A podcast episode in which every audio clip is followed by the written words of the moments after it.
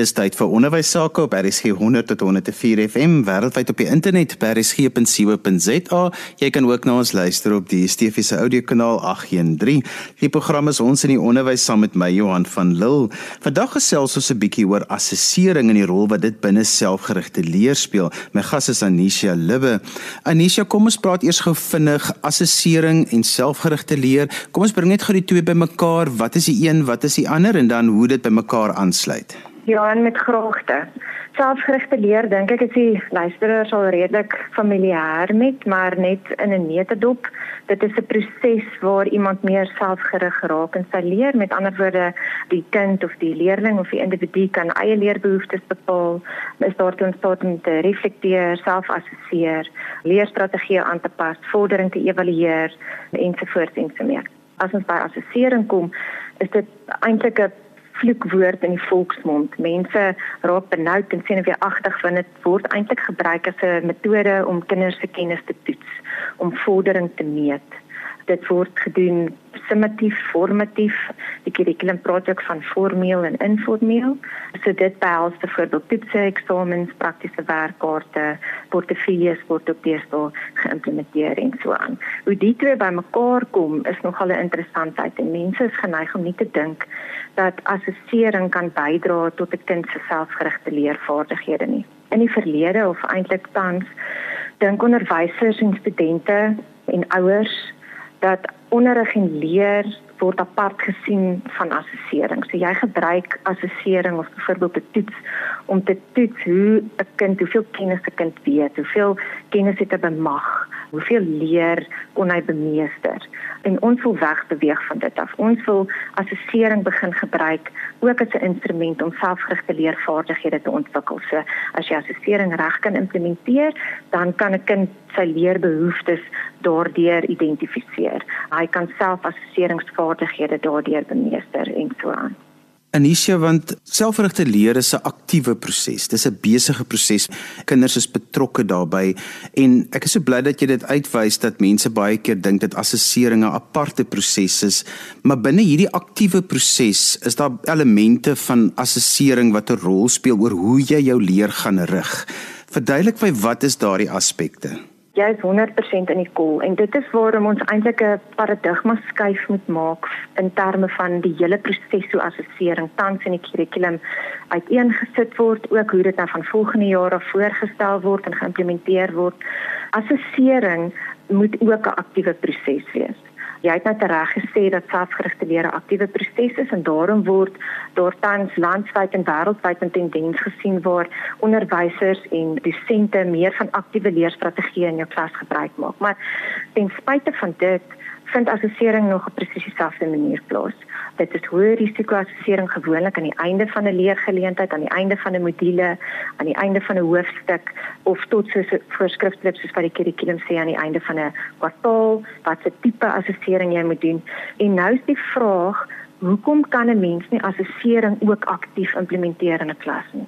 Aspekte wat dan nou daar gaan uitkom is wanneer dit aktief gebeur, dan het dit nou die implikasie dat dit nie net meer een student is wat stoksiel alleen nou 'n toets moet skryf onder angs onder spanning nie, maar waarom kan studente en kinders nie saam aan 'n werkkaart, saam aan 'n projek, saam aan 'n toets skryf werk en dat leer deur die assessering bevorder kan word. As 'n mens so iets sou implementeer en dit is wat ons by die universiteit ook doen, dan vind leer die gedurende die assessering plaas. En dis eintlik wat ons wil hê. Ons wil nie hê assessering moet as 'n aparte entiteit of 'n aparte proses of soos vir die Engelse ou sê 'n add-on gesien word tot onderrig en leer nie, maar dit is eintlik 'n integrale gedeelte van alles om sukses te behaal. Nou, die aspekte wat ontwikkel kan word in terme van STL as ons anders oor assessering begin dink, is presies dieselfde vaardighede wat ook ontwikkel word met aktiewe leer, maar dit word net nog sterker bevorder veral as ek dink aan selfassessering. 'n Kind se vermoë om homself te assesseer, waar trek hy in sy leerproses? Wat het hy fout gedoen in die toets wat hy nou net geskryf het? Wie is te blame daarvoor? Is dit dalk dat hy op 'n verkeerde manier geleer het? Kon hy beter voorberei het? Moet hy meer tyd daaraan spandeer? Kan hy nou sy leerbehoeftes daardeur identifiseer? Waaraan moet hy nou meer tyd spandeer of meer aandag gee vir 'n volgende toets? Jy weet sulke tipe aspekte wat mense geneig is om te dink nie deur assessering bevorder kan word nie omdat assessering as so 'n negatiewe aparte aspek van die hele onderwys deur die spektrum van alles gesien word. Anisha, ek het 'n vriend wat altyd sê dat leer baie keer die grootste vyand is van die skierigheid en van om om te wil leer en om te wil ontwikkel, maar baie keer kan assessering ook die grootste teenwerker of teenvoeter wees vir iets soos kritiese denke. Nee, verseker.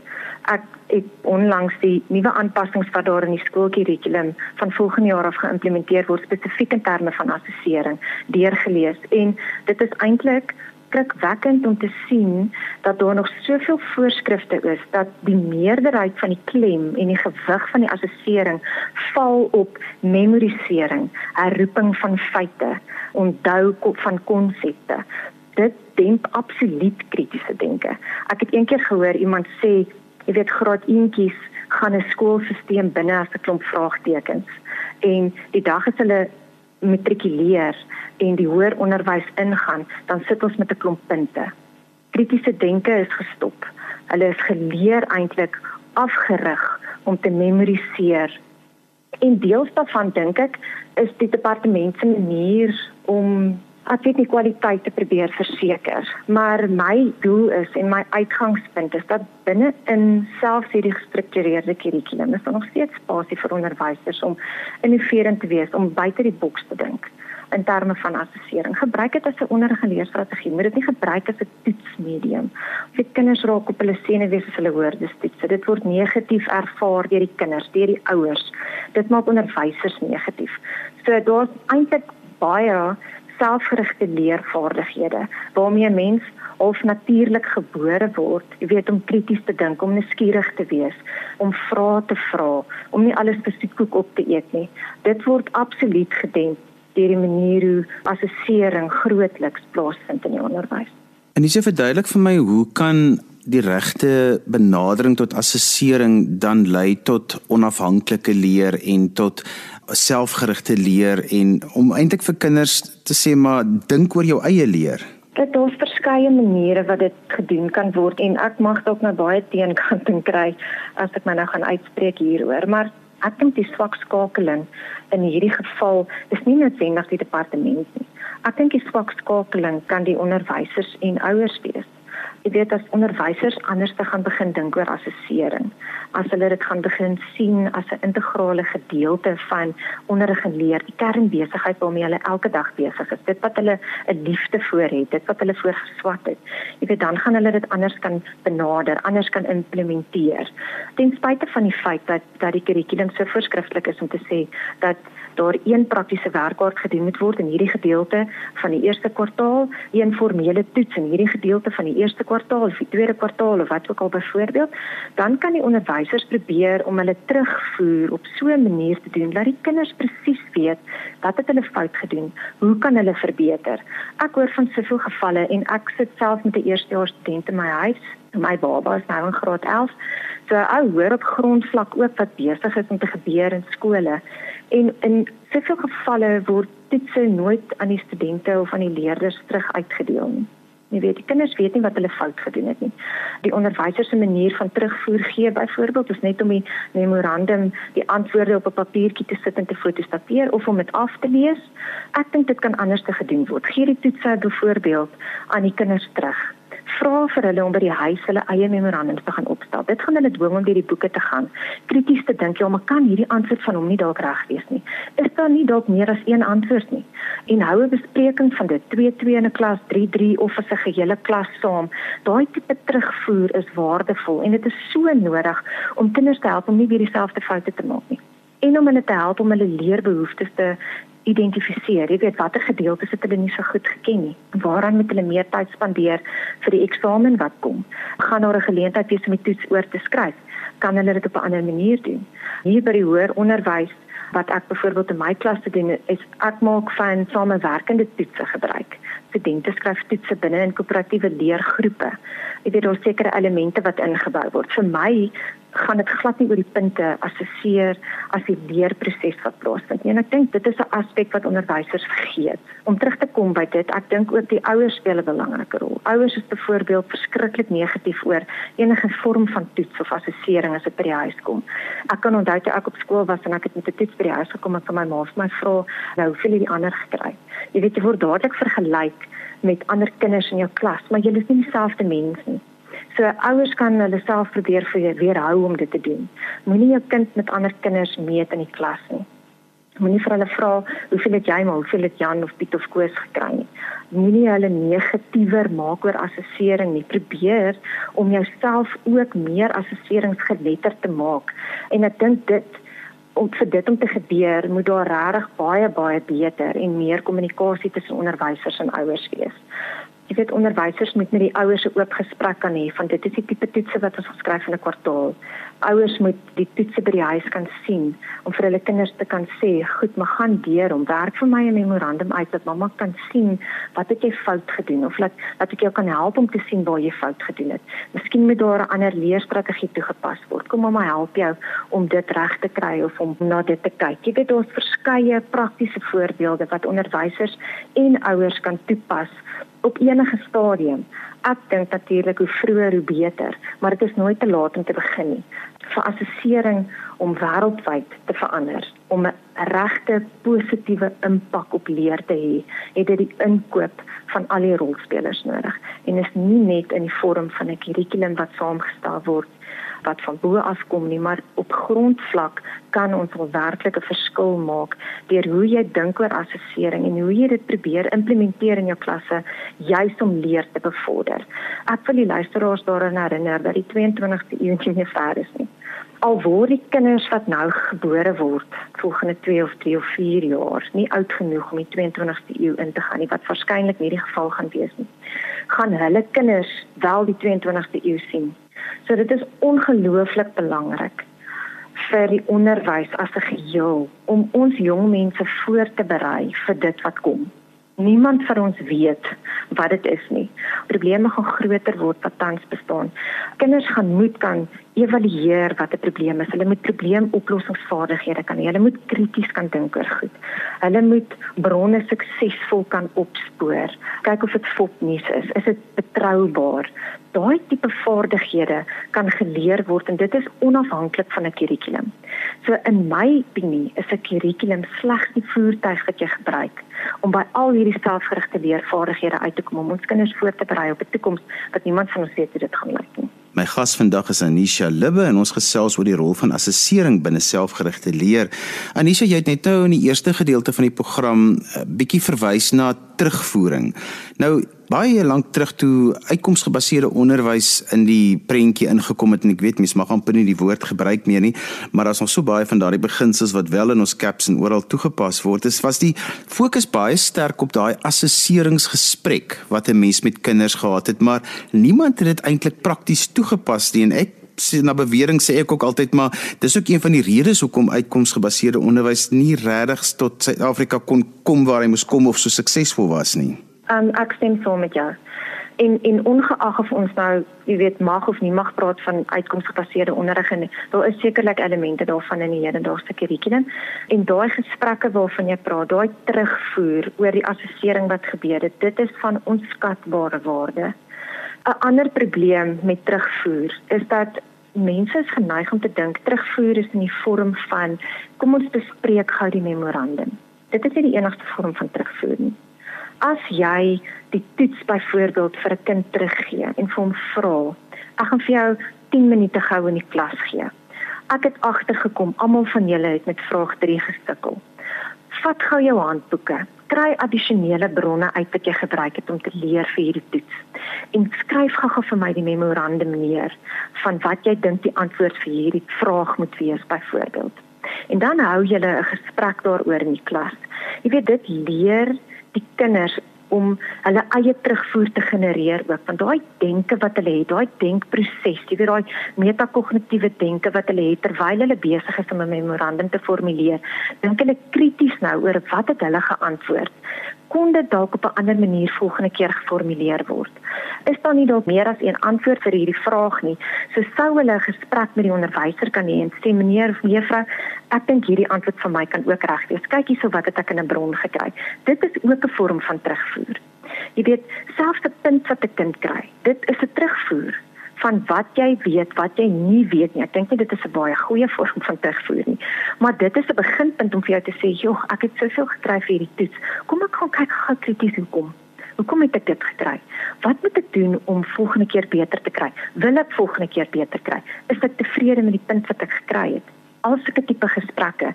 Mense is ook geneig om te dink terugvoer moet van 'n onderwyser afkom. Dit hoef nie noodwendig nie ons is geneig om die kinders in ons klasse te vertrou met ewe knie assessering, portuier assessering noem hulle dit ook, of in die Engelse mond sommer peer assessment. Ons is nie geneig om, om kinders daarmee te vertrou nie en ek dink dit is 'n wonderlike manier om ook daai tipe selfgerigte leervaardighede by kinders te ontwikkel. Ek dink hoe meer hulle by dit betrokke gaan wees, hoe meer gaan hulle hulle self begin vertrou met dit hoe meer gaan hulle gemaklik wees om hulle vriende te help om te sê ja, ek dink jy kan dit beter doen volgende keer. Ek dink die antwoord is hierdie. Kyk hierso wat was my antwoord? Wat het jy gesê? Wat het juffrou reg gemerk? Wat het sy verkeerd gemerk? Kom ons gaan praat gou met haar want ek dink ons antwoorde klink dalk dieselfde. So daai tipe gesprekke dink ek onderwysers maak nie meer plek vir dit nie want hulle dink die kurrikulum is te oorvol. En dit is waar ek pleit eintlik by onderwysers om nie assessering as 'n add-on of as 'n addisionele gesprek of 'n addisionele aspek aspek van onderrig en leer te sien. Maar as jy dit sien as deel van onderrig en leer, dan kan jy assessering gebruik as 'n leergeleentheid in jou klas. Gebruik dit as 'n les. Ons gaan vandag toets skryf. Ons gaan 2-2 toets skryf. Dan gaan ons alleen toets skryf. Dan gaan ons daaroor praat. Jy weet want op die ou einde wil jy hê as die kind jou klas uitloop, moet hy meer weet as wat hy geweet het toe hy ingestap het en hoekom kan ons nie assessering vir dit gebruik nie? Anisha, metakognisie het 'n belangrike rol om te speel binne assessering. Verduidelik vir ons kortliks metakognisie in konteks van assessering en hoe dit aansluit by mekaar. Jy is doodreg. metakognisie is so 'n belangrike deel eintlik in alle aspekte van die onderwys. Daai denkvaardighede, jy dink oor hoe jy gedink het, jy reflekteer, jy evalueer. Binne in assessering is dit verskriklik belangrik maar ook moet ouers onthou, moet onderwysers onthou, dink ek daar's dosente wat moet onthou dat dit 'n vaardigheid is wat ontwikkel moet word. Niemand weet outomaties hoe om te reflekteer op iets nie. Dit is 'n vaardigheid wat ontwikkel moet word. En ek dink assessering is 'n wonderlike geleentheid en 'n platform om dit wel te doen.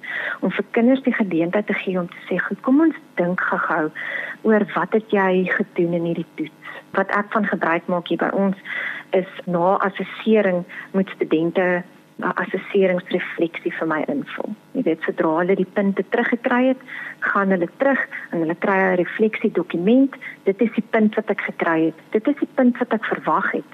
Is daai twee naby aan mekaar as hulle ver van mekaar af? Waarom dink jy is dit so? Waar dink jy is daar ruimte vir verbetering? Dink jy die punt wat jy gekry het is die tyd wat jy ingesit het werd? of het jy harder geleer as wat jou punt vir jou wys? Moet jy dalk jou leerstrategie aanpas? Gaan jy aanhou met hierdie leerstrategie dink jy dit was suksesvol?